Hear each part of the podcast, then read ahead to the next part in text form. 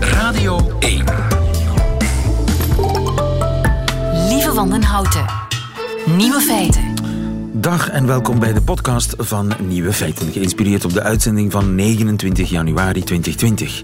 In het nieuws vandaag dat een nieuwe zalmkwekerij voor de kust van het eiland Skye in Schotland er niet komt, om de zeemeerminnen niet te storen. Die wonen namelijk, naar het schijnt, in het water rond het eiland. De Ashrai heten ze, een soort van zeemeerminnen. Nu denkt de lokale actiegroep dat de stalen kooien van een industriële zalmkwekerij een onweerstaanbare aantrekkingskracht zullen uitoefenen op die ashrai. Eenmaal in de kooi gaan de zeemeerminnen smelten, is de vrees. Want normaal gezien komen ze maar één keer in de 100 jaar naar de oppervlakte voor een maanlichtbad. Ook de werknemers van het bedrijf zouden gevaar lopen, want die kunnen verdrinken, meegelokt door de ashrai. Zes uur is er over de kwestie vergaderd, waarna de lokale overheid besloot om de vergunning toch maar niet toe te kennen. Ook al omdat de kwekerij de zeehonden zou bedreigen. Al zijn er mensen die beweren dat die beesten eigenlijk ook vermomde zeemeerminnen zijn. Jammer toch, die brexit. De nieuwe feiten vandaag. Het verschil in levensverwachting tussen mannen en vrouwen is grotendeels te wijten aan de sigaret. Thee is de nieuwe wijn. Anne van Steenkisten is thee-sommelier in de beste restaurants van het land. En de Face ID van uw iPhone kan u verwarren met uw zus. De nieuwe feiten van Christine Zwartenbroeks die hoort u in haar middagjournaal. Veel plezier.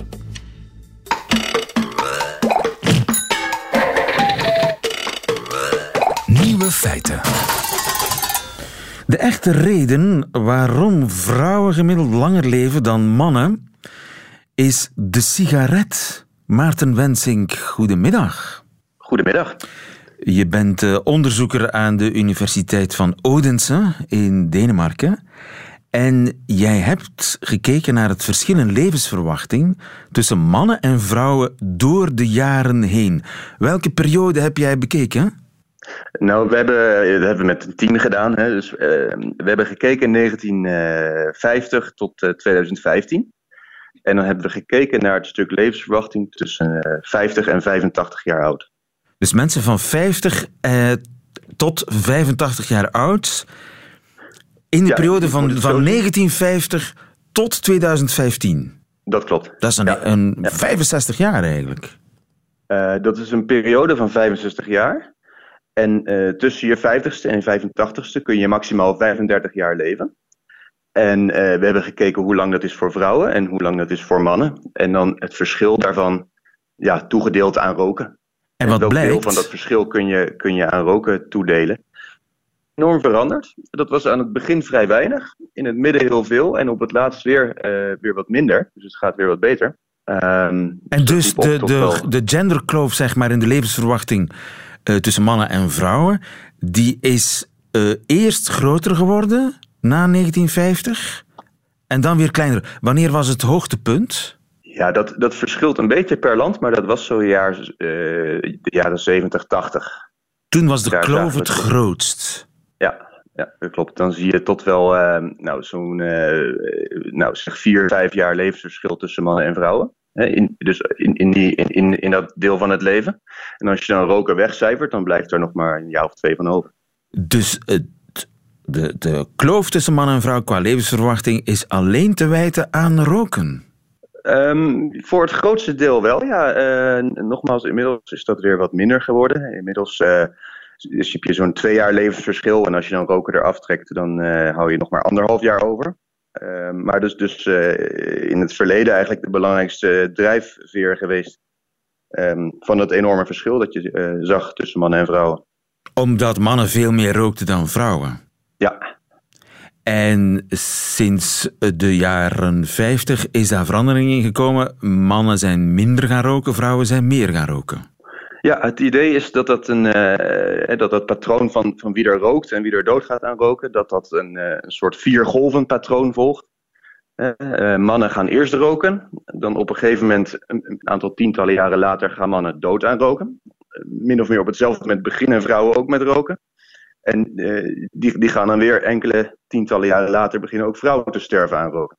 En dat- je ziet dat Ehm. echt zo in de cijfers. Dat je gewoon een paar eh, decennia bijtellen en je ziet... Ah, toen zijn ze beginnen roken en dus zijn ze vroeger gaan sterven. Ja, je ziet, je ziet gewoon die vier golven. Wij hebben dan alleen gekeken naar, eh, naar de sterfte ervan. Maar daar zie je dus, eh, zie je dus heel prachtig die, die twee golven. Hè? En ehm, de bedoeling is dan dat, dat al die golven weer naar nul gaan. Hè? Dat op het moment dat bekend wordt hoe slecht roken is, dat mensen daar weer mee ophouden. Ehm, maar dat lijkt niet helemaal door te zetten. Wij zagen wel even voor, eh, voor de wat jongere mensen in onze studie, dus dan heb je het over mensen van 50 tot 60 jaar zo ongeveer, ehm, dat de sterfte aan roken erg eh, afneemt recentelijk. Maar als ik dan, ik heb het vanochtend nog even voor u opgezocht, dan blijft toch in België blijft toch een kwart van de mannen roken en, en bijna net zoveel van de vrouwen. Dus eh, het lijkt er nog niet op dat dat helemaal teruggaat naar nul, nee. Ja.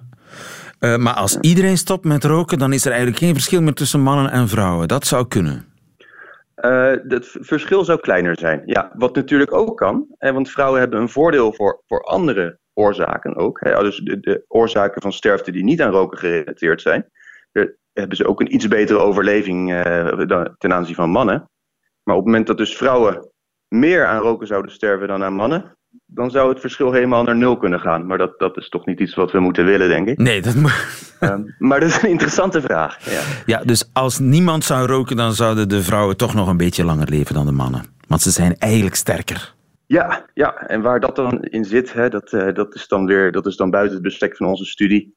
Um, mannen doen ook domme dingen. Hè? Um, die rijden zo tussen hun vijftiende en dertigste rijden ze snel rond op motorfietsen zonder helmen en dat soort dingen daar komt ook een gedeelte van het verschil vandaan. En, um, je zou nog de testosteron er moeten uithalen en niet alleen het roken. Ja. En dan zou misschien het verschil nul zijn. Is er een verschil tussen de verschillende landen? Um, op zich wel. Uh, je ziet dat, uh, dat bepaalde landen wat eerder gaan en wat later dan die andere. Maar op zich is het ook weer niet dat ik zeg van nou dat is echt een, uh, een spectaculair verschil. Um, wat je wel ziet is dat het effect in sommige landen erg, uh, erg sterk is en in andere landen wat minder. Um, in België bijvoorbeeld is het effect heel sterk geweest. Um, je hebt daar een verschil gehad van wel vijf jaar bijna. En als je dan roken weghaalt, dat is wel interessant, daarin is België uh, uh, redelijk uniek. Als je dan op het moment dat het verschil met roken er gewoon in toenam, zag je dat het verschil als je roken wegcijferde afnam. Ja, dus zo rond de jaren 80 zit je dan, heeft België 4,5 jaar levensverschil. Hou je roken weg, maar anderhalf. Wat ja, ja. erg weinig is. Dus er is ooit een enorm verschil geweest tussen mannen en vrouwen qua roken. De mannen rookten echt veel meer dan de vrouwen. Rookten heel veel, ja. ja. Klopt. En als je dat zou weghalen, dan zou de, de, zou de kloof geen bijna vijf, maar uh, anderhalf jaar zijn. Merkwaardig. Dankjewel, Maarten Wensink. Goedemiddag. Ja, graag gedaan. Ja.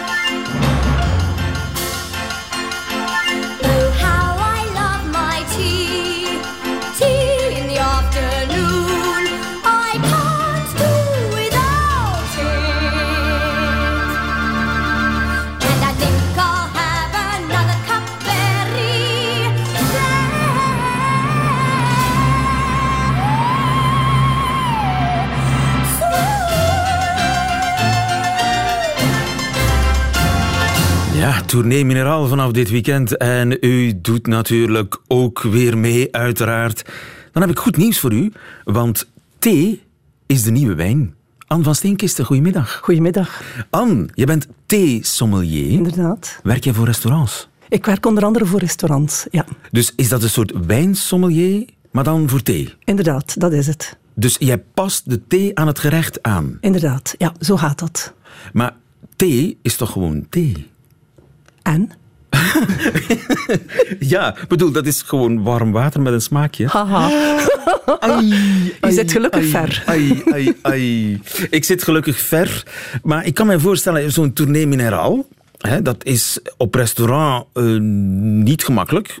Aperitief, digestief laten vallen, dat gaat nog. Er zijn heel veel virgin cocktails tegenwoordig. Maar mm -hmm. bij het eten wordt het moeilijk. Ja, water is gewoon maar water. Mm -hmm. Jouw alternatief is thee. Inderdaad, ja. Ik heb dat geleerd in China, thee bij het eten. Nou, dat is zalig. In, de Chinezen doen dat? Ja, die drinken thee bij het eten. Ja, altijd. En is dat warme thee, koude thee? Warm of koud. Zij gaan altijd warm drinken.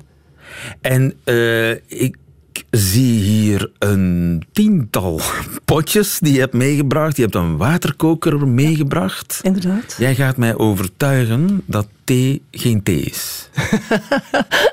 Thee is dus wel degelijk thee, maar het is een aftreksel van de Chinese theebladeren. En daarin heb je verschillende soorten thee. Je hebt de witte thee, de groene thee, de gele thee, de rode thee, de zwarte thee. Dan thee geplukt van oude bomen. En dan heb je ja, daar nog heel wat kruideninfusies naast. Ja, Dus- kruideninfusies. eh, Ik dacht dat je vooral daarmee zou werken, maar dat is dus niet het geval. Nee, ik werk eigenlijk met alles. Want ik ben, en zo, en eh, citroen, gember. Ja, dat kan ook. Ik ben dus een, een herborist, die werkt dus met kruiden, maar ik ben verder gegaan. Dus ik ben naar China gegaan en gaan zien hoe ze daar thee zetten. En toen zag ik dat geen wat wij hier als thee zien helemaal geen thee is. Wij drinken fake thee. Ja, inderdaad. En nu ga je echte thee maken. Ja, nu ga ik echt het thee maken. Ik ben heel benieuwd. Doe eens. Ja. Wel, alle ingrediënten. Ja, Ik, eh, daar komt Babette van de redactie eh, zeer flux en professioneel met het warme water aan. Je hebt Ja. net eh, water gekookt. ja, niet gekookt. Nee, Oei. absoluut niet. Oh, fout nummer ja, één, dat is al fout nummer één. Dus water mag niet gekookt worden. Want dat zijn proeven dat ik doe met mijn theesommeliers. Op, eh, als ik de opleidingen geef, dan gaan we dezelfde thee, dezelfde grammage, hetzelfde water, dezelfde Grammage, prachtig. Ja, dus alles hetzelfde, uitgezonderd het ene water heeft gekookt en afgekoeld tot aan 90 graden en het andere is gewoon opgewarmd tot aan 90 graden. Het is een he- hemelsbreed verschil. Dus je hebt een speciale waterkoker die niet kookt. Ik heb een waterkoker die niet kookt. Ja, Wauw. inderdaad. Die kan je instellen op temperatuur. En, en wat gebeurt er met het water dat gekookt heeft? Eh, je bent de finesses van je thee kwijt. Echt waar? Ja, ja, je bent echt de finesses van thee. Weet je, mensen die wijnsommelier zijn en die bij mij komen een opleiding volgen voor thee, voor mensen die inderdaad een thee-arrangement willen in plaats van een wijnarrangement. Dus aangepaste theeën. Aangepaste theeën, inderdaad. Nee, met aangepaste thee. Inderdaad, ja. Maar die moeten daar even moeite voor doen om die smaken te leren kennen, want wijn is zeer uitgesproken. Je kan daar zeer gemakkelijk het fruit uithalen en, en ja, de aardse smaken, of ik noem maar op. Hè. Maar bij thee moet je daar even moeite voor doen. Ja, en is daar ook zo'n ingewikkeld eh, jargon en vocabularium voor? Je kan dat gebruiken en als je dat wil. Ja, inderdaad. Ja, dat gebruiken ook. Denk ik soms. Nee, dat gebruiken we uiteraard niet. Een soupçon de kattenpis? Nee, Oh, no, nee, pas nee. tout. Ja. Nee, maar eh, je hebt dus al die smaken inderdaad ook in thee, maar die zijn veel subtieler. En wat het mooie is van thee... Vaak heb ik, als ik, ik proef ook wijn, ik drink geen wijn, maar ik proef wel wijnen. Als ik een gerecht krijg en ik krijg daar de aangepaste wijn bij, is dat voor mij vaak te hard, te agressief. Want als ik dan Dominant. ja, te dominant. Terwijl met thee heb je dat helemaal niet. Daar kan je echt met die finesses gaan spelen. Juist, ja. En dus eh, er is thee die bij vis past en er is Ja. thee die bij vlees past. Uiteraard, ja. Forel, eh, forel vraagt een speciale thee. Wel, sowieso gaan we groene thee gaan schenken bij visgerechten. Want daar heb je de ziltetoetsen. Bij groene thee heb je de ziltetoetsen. Natuurlijk, een forel is geen kabeljauwhaasje. Dus gaan we die groene thee moeten bij forel bijvoorbeeld meer uitgesproken zijn dan bij een kabeljauwhaasje bijvoorbeeld. Specialistenwerk. Zeg, en Ja. eh, eh, laat, eens iets, of laat mij eens iets proeven. Of je bent, Ik zal beginnen met wat, eerst wat heb te eigenlijk al gedaan? Ja, je bent nu thee aan het zetten. Ik ben nu thee aan het zetten. Dus ik heb thee in een glazen theepot gedaan. Ja. Ik heb graag glas, zodanig dat je de blaadjes mooi ziet. Want weet je, ook de kruiden, de bloemen. En hier, in dat geval, de Chinese theeblaadjes, die zijn zo mooi dat we ze zeker niet wegstoppen in een filter of in een gesloten theepot. Ah ja, dus gewoon de blaadjes in het kopje en het 90 graden water Ja, eroverheen. 90 graden water op, dat ga ik nu doen. En je gaat ook helemaal, helemaal hoog, zoals een echte sommelier. Zo. Dus omdat je het goed zou horen op de radio. Ah, oké. Show, maar inderdaad, de ja. grot is wat show. Inderdaad, hoog opgieten. En dat ja, heeft wel inderdaad een show-effect, is leuk. Maar nu moet je eigenlijk wel een hele tijd wachten. Ja, maar ja, hij had al heb er al klaargezet Je hebt er al klaargezet, hè, inderdaad. Ja. inderdaad. En Waarom moet ik lang wachten? Want eigenlijk heeft die thee nu tijd nodig om zijn bestanddelen aan het water af te geven. En dat duurt wel 15 minuten tot een half uur. een half uur. Ja, Ik dacht vijf minuten. sommige maar twee minuten. Want als je een builtje twee- vijf minuten laat trekken, is het niet meer drinkbaar. En hoe lang heeft de thee nu getrokken die eh, voor je neus staat? Deze die hier voor mij staat een kwartier, maar ik laat ze tot een half uur, een uur, twee, drie uur trekken. Zo lang kan ik niet wachten. Maar zo lang hoef je niet te wachten. Maar voor een sommelier is dat zeer gemakkelijk. Dus als je een menu hebt, dan kan je voordat het eigenlijk allemaal start, kan je de theepotten voor alle hangen al klaarzetten. Ah ja, en dat bewaart, of je moet dat op een Op bepaald... een theelichtje zetten. Op een theelicht. Ja, dan blijven ze lekker warm. En, en- maar niet gloeiend heet. Nee, nee, nee. Thee mag niet gloeiend heet hebben. En dan gaan we het serveren in hetzelfde wijnglas zoals de andere mensen de wijn drinken. Ah. Ja, En dan proef je de thee beter. Ja, door de, vorm van het tulpvormige glas. zeker. Want dan ga je meer de aroma's in het glas houden. Als je dan ook eh, ja, wat walst met het glas, zoals we met het wijn doen. Ik kan me niet meer beheersen. Ik wil thee. Oké, ik ga beginnen met jou een eerste thee eh, te serveren. is een eh, groene thee, maar het is niet echt een groen-groene thee. Het is een oolong, dat wil zeggen, hij heeft een ietsie-pitsie geoxideerd. Ah, Waardoor dat je heel fijne toetsen van bloemen krijgt. Ik hoop... Hij, hij ziet er helemaal transparant uit. Bijna geen kleur. Nee, Iets, ja, er zit een soort ja, lichte schijn in. Ja, maar zet dat naast een witte wijn, dat heeft praktisch dezelfde kleur. Juist, ja. Ik ga eens proeven. Hè. Ja. Uh, Je mag slurpen, hè? Maar, ah, oké, Dat mag. Ja, je mag. Ik wil je horen slurpen. Suiker erbij is geen, geen optie. Nee? Oh, zeker you niet. If looks could kill. We gaan, er, we gaan ervoor, hè. Mm. Ja, hij mag nog wel een beetje meer trekken, denk ik. Hè? Maar ja, maar goed, hij dat- hier nog niet lang genoeg. Hè? Ja. Ik heb je nu ook het ene geschonken. Ja. Hij ruikt lekker. Hij ruikt heel lekker. Ja, Wat ruik je? bloemetjes. Gebruik... Ja, voilà, voilà, voilà. Zit goed bezig? Voilà. Bloemetjes. Je zit dan uh, het worden. Right, right. Heel mooi. Ik heb er dan... En, en doe je daar nog eh, ingrediënten bij soms? Soms kan je daar ingrediënten bij doen, maar luister, dat ik- is... ja, er, daar staan flessen met kefir en zo. Ja, van die dingen. inderdaad. Dat zijn de trucken van de voor. Om het wat te pimpen, nee? Nee, nee, nee. Ehm, de kefir is inderdaad, we gaan dus een infuus gaan maken. En daar gaan we dan een soort zwam aan toevoegen. Ook suiker. Normaal ben ik helemaal anti-suiker, maar hier gebruik ik nu wel suiker. Waarom? Omdat dus die zwam de suiker gaat omzetten in probiotica en, en die gaat gas afgeven. Ah, Ja. en dan borrelt hij een beetje. krijgt. Ja, Een ja. soort champagne, als het ware. ja, want kijk, als je de fles open doet, Yeah. hoor je? Oeps. En dat heb je zelf gemaakt. Oh, wat overstroming in de studio. Security, als u luistert, geen probleem. Alles onder controle. Nee, maar eh, zie je, het is omdat hij in, in een warme omgeving staat. Dus Ja. hij heeft Hans de tijd in mijn auto Ja. gestaan, dan was het koud. En hier komt hij in een warme omgeving en dan gaat hij inderdaad gaan overbruisen. Maar je ziet, het is een heel mooie bruis. Ja. Dus zet dat naast... Oké, champagne-liefhebbers zullen dat niet graag horen, maar zet dat naast een champagne. Dus iemand die dan geen alcohol drinkt, die kan dus zeer goed een bruisende... Ja. Het oog wil ook wat, hè? En, en, de, het mondgevoel is ook helemaal anders. Uiteraard, uiteraard. Ik heb nu een tweede. Ik ruik zelfs alcohol bijna. Ja, maar weet je, die kefir kan een heel klein percentage alcohol bevatten. Maar Ah, oei. heel, heel klein. Tot zover tournee min- mineraal. Nee, maar het is minder, minder dan 0,4 procent. Ah ja, Ja. oké. Maar weet je... Ik heb is- intussen een ander glaasje gekregen. Ja. Oh, oh nee. Nee, nee, je mag deze proeven. Dat is nog een warme thee. Dat is met een heel klein beetje... Ja, maar ik ga het u laten zelf ruiken. Wat ruik je? Oh, een beetje vies. Nee? Dat was nu niet de bedoeling dat je dat ging zeggen. Het ruikt helemaal anders. Ja, ruik je niet wat citrus? Eh, ja. Proef eens. Misschien ga je het proeven. Absoluut, ja. Dit, dit smaakt al eh citroen. Citrus bij. Ja. Dus als je nu een vis hebt die met een citroensaus of met citroen Ja, ja, of met citrusvruchten eh, bewerkt is, dan kan je die thee daarbij gaan zetten. Omdat het is altijd belangrijk, hetgene dat in het gerecht van hoofdbestanddeel of van de kruiden dat je toevoegt, dat je dat terugvindt in de wijn of in de thee. Dat is dat natuurlijk de finesse Ja. van het sommelierschap. Ja. En ik, ik zie daar een glaasje. Het ziet eruit ja, inderdaad als een soort rosé. Als een soort rosé. De waterkoker horen we op de, op de Mhm. Op achtergrond. de dat hoort erbij. Hè? Ja. En inderdaad, een, een kleine sprankel. Ja,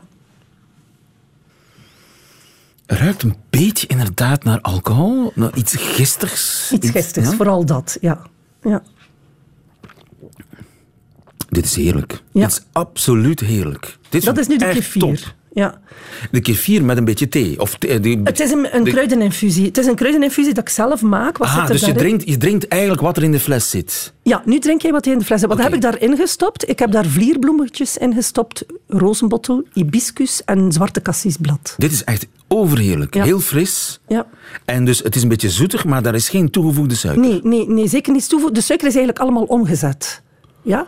Maar je kan dat gerust als aperitief of om te even als frisdrank in de zomer drinken. Er zit Ja. quasi geen suiker in. Ja. Alcohol Kan ik zelf aan de slag? Zeker, zeker. Dat is geen wat ik mensen leer. Weet je, er zijn veel mensen die dat willen en masse gaan maken, maar dan moeten ze dat stabiliseren. Maar zoals u ziet, die fles liep hierover. Ja. Dus als ik dat en masse maak, is de kans groot dat die flessen ontploffen in de winkel.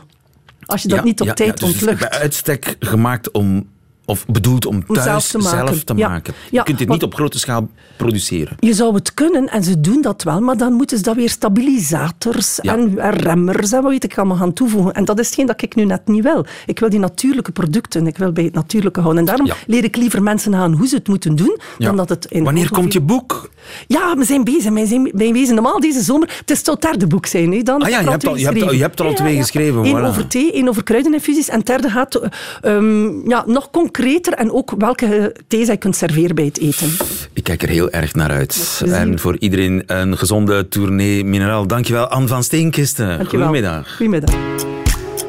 Lieven van den Houten. Nieuwe feiten.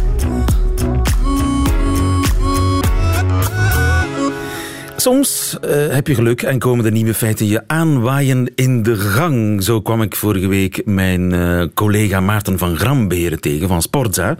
En die vertelde het verhaal van zijn nichtjes, Gloria en Malena, dochters van zijn zus. Die hadden namelijk iets verbijsterends meegemaakt. Dag Malena. Hallo, Malena, hoe oud ben je? ik ben 11 jaar. Elf jaar en waar is Gloria? Eh, Gloria die zit hiernaast bij mijn oma en opa. Aha, en hoe oud is Gloria? Eh, ook 11. Ook elf. Jullie zijn een tweeling. Ja. Eén eier? Eh, ja, en één eigen tweeling. En kunnen mensen jullie makkelijk uit elkaar houden, Gloria en Malena? De mensen die ons goed kennen, zoals onze familie, die kunnen ons goed uit elkaar halen. Maar mensen die ons op het eerste zicht zien, niet echt. En jullie hebben met kerst iets bijzonders gekregen. Wat hebben jullie gekregen? Een nieuwe gsm. En wat is daarmee gebeurd? Ik eh, kon de gsm van mijn zus openen, want we hebben een gsm met Face ID. En in de ochtend wou ik mijn gsm pakken, maar ik had per ongeluk die van mijn zus gepakt. En dan kon ik die gewoon openen. Je telefoon dacht dat jij Gloria was. Ja.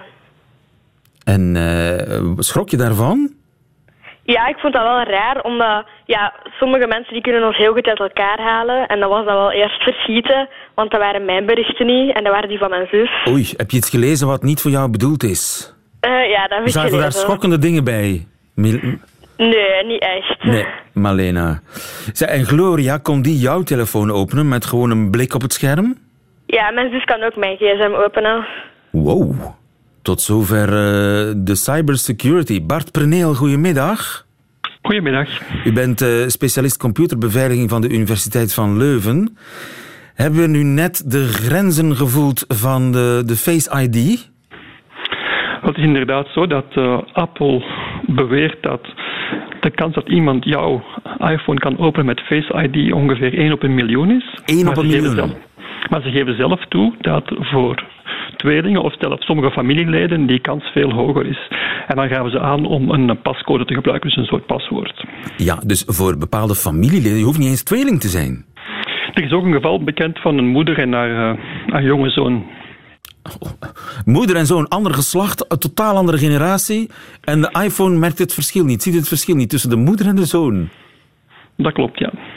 Daarvan, dat is echt een gedocumenteerd verhaal. Dat is geen broodje-aap verhaal.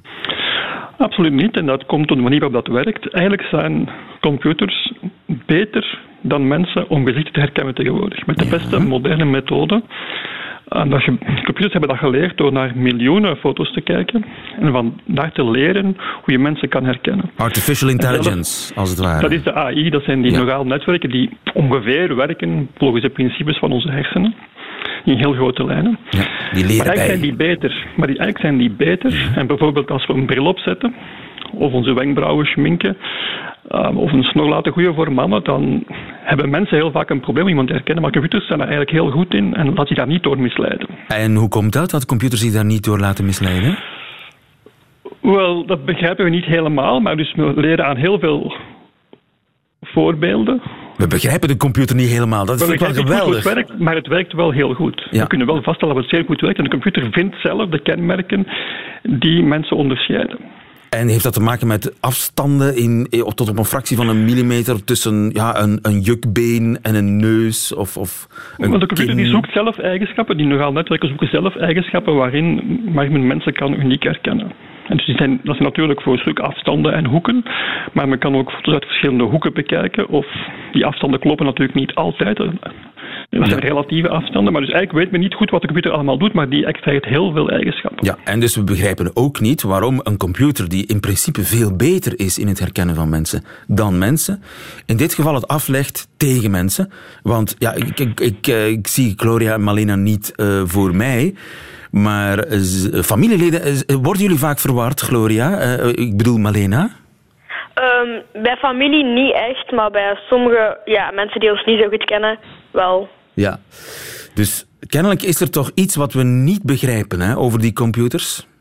Wel, het zou wel mogelijk zijn, denk ik, om met heel veel rekenwerk en heel veel inspanning en heel veel foto's van, van Gloria en Malena om ze uiteindelijk toch van elkaar te onderscheiden.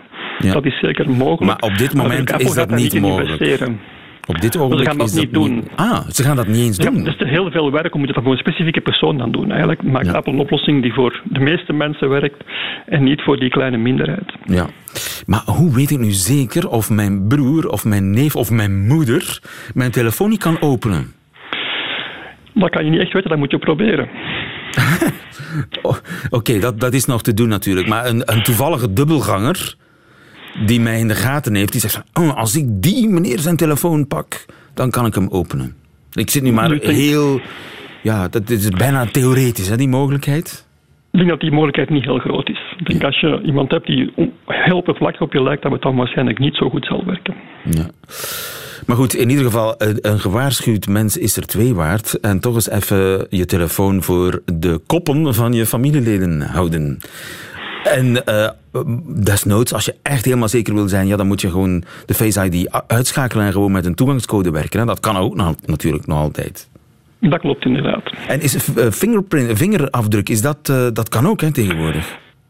Bij vingerafdrukken is de kans 1 op de 5000 à 1 op 50.000 beweren de producenten dat die kans in praktijk veel lager is. Dat het dus veel makkelijker is om vingerafdrukken te vervalsen. Dus dat is zeker geen om... veiligere oplossing dan Face ID?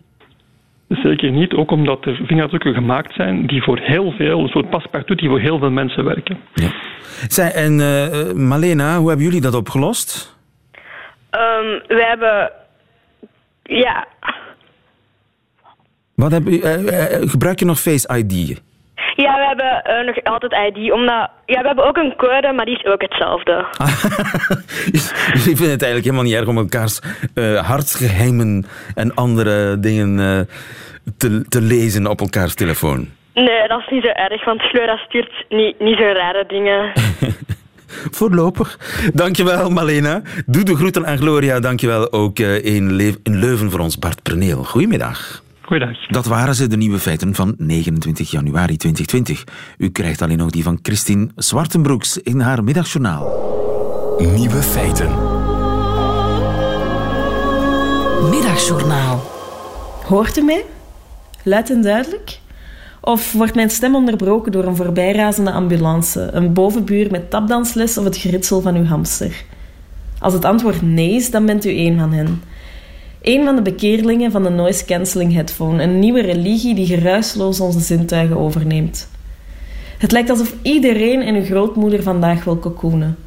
Deze ochtend op de trein haalde een hoogbejaarde man een exemplaar uit een speciaal daarvoor bestemd tasje. Blijkbaar hoorde hij op zijn leeftijd nog steeds zodanig goed dat hij niet wilde dat het gedender van de sporen het gedreun van zijn oorlogsfilm zou overstemmen. Wat de natuur je niet afneemt, kan technologieën geven, zo lijkt het wel.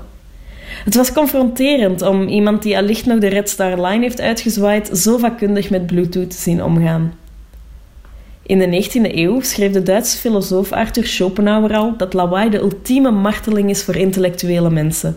De meest indringende manier van onderbreken, omdat het niet je stem, maar wel je gedachten doorploegt. En laat dat nu net de hele bedoeling zijn. Want wat we zouden moeten uitzetten, de stem in ons hoofd, die zegt dat we niet goed genoeg zijn bijvoorbeeld, wordt net versterkt in dat auditief panzer. Terwijl dingen die je zou moeten horen, je lief die grinnikt met een belachelijke meme na een rotdag, een meisje dat onbewust meeneuriet op de tram, of de barista die, wanneer je je vaste bestelling afdreunt, plots van het script afwijkt door te zeggen dat ze nu nieuwe bonen hebben en of ik die eens wil proberen wie niet horen wil, kan niet voelen. En hoewel ik zelf een godganse dag met oortjes in mijn oren loop, is dat voornamelijk omdat ik in contact wil blijven met mijn beste vrienden. De muzikanten die in Spotify-playlists wachten tot ik met hen wil spelen. Een witte draad die via mijn oren over mijn hart loopt. Yep, ik ben de laatste coole persoon die nog niet draadloos is gegaan. En eerlijk gezegd ben ik doodsbang dat Janika Saltsis op een dag mijn verbinding zal doorknippen. Gelukkig hebben de meeste moeders hun kroost geleerd dat je niet mag lopen met een schaar. En naar je moeder, daar luister je naar.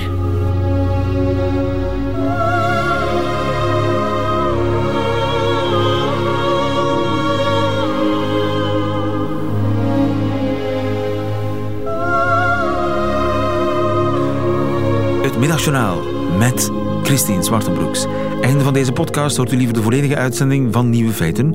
Met de muziek erbij, dan kunt u terecht op onze app of op onze site, waar nog veel meer fijne podcasts te vinden zijn. Tot een volgende keer.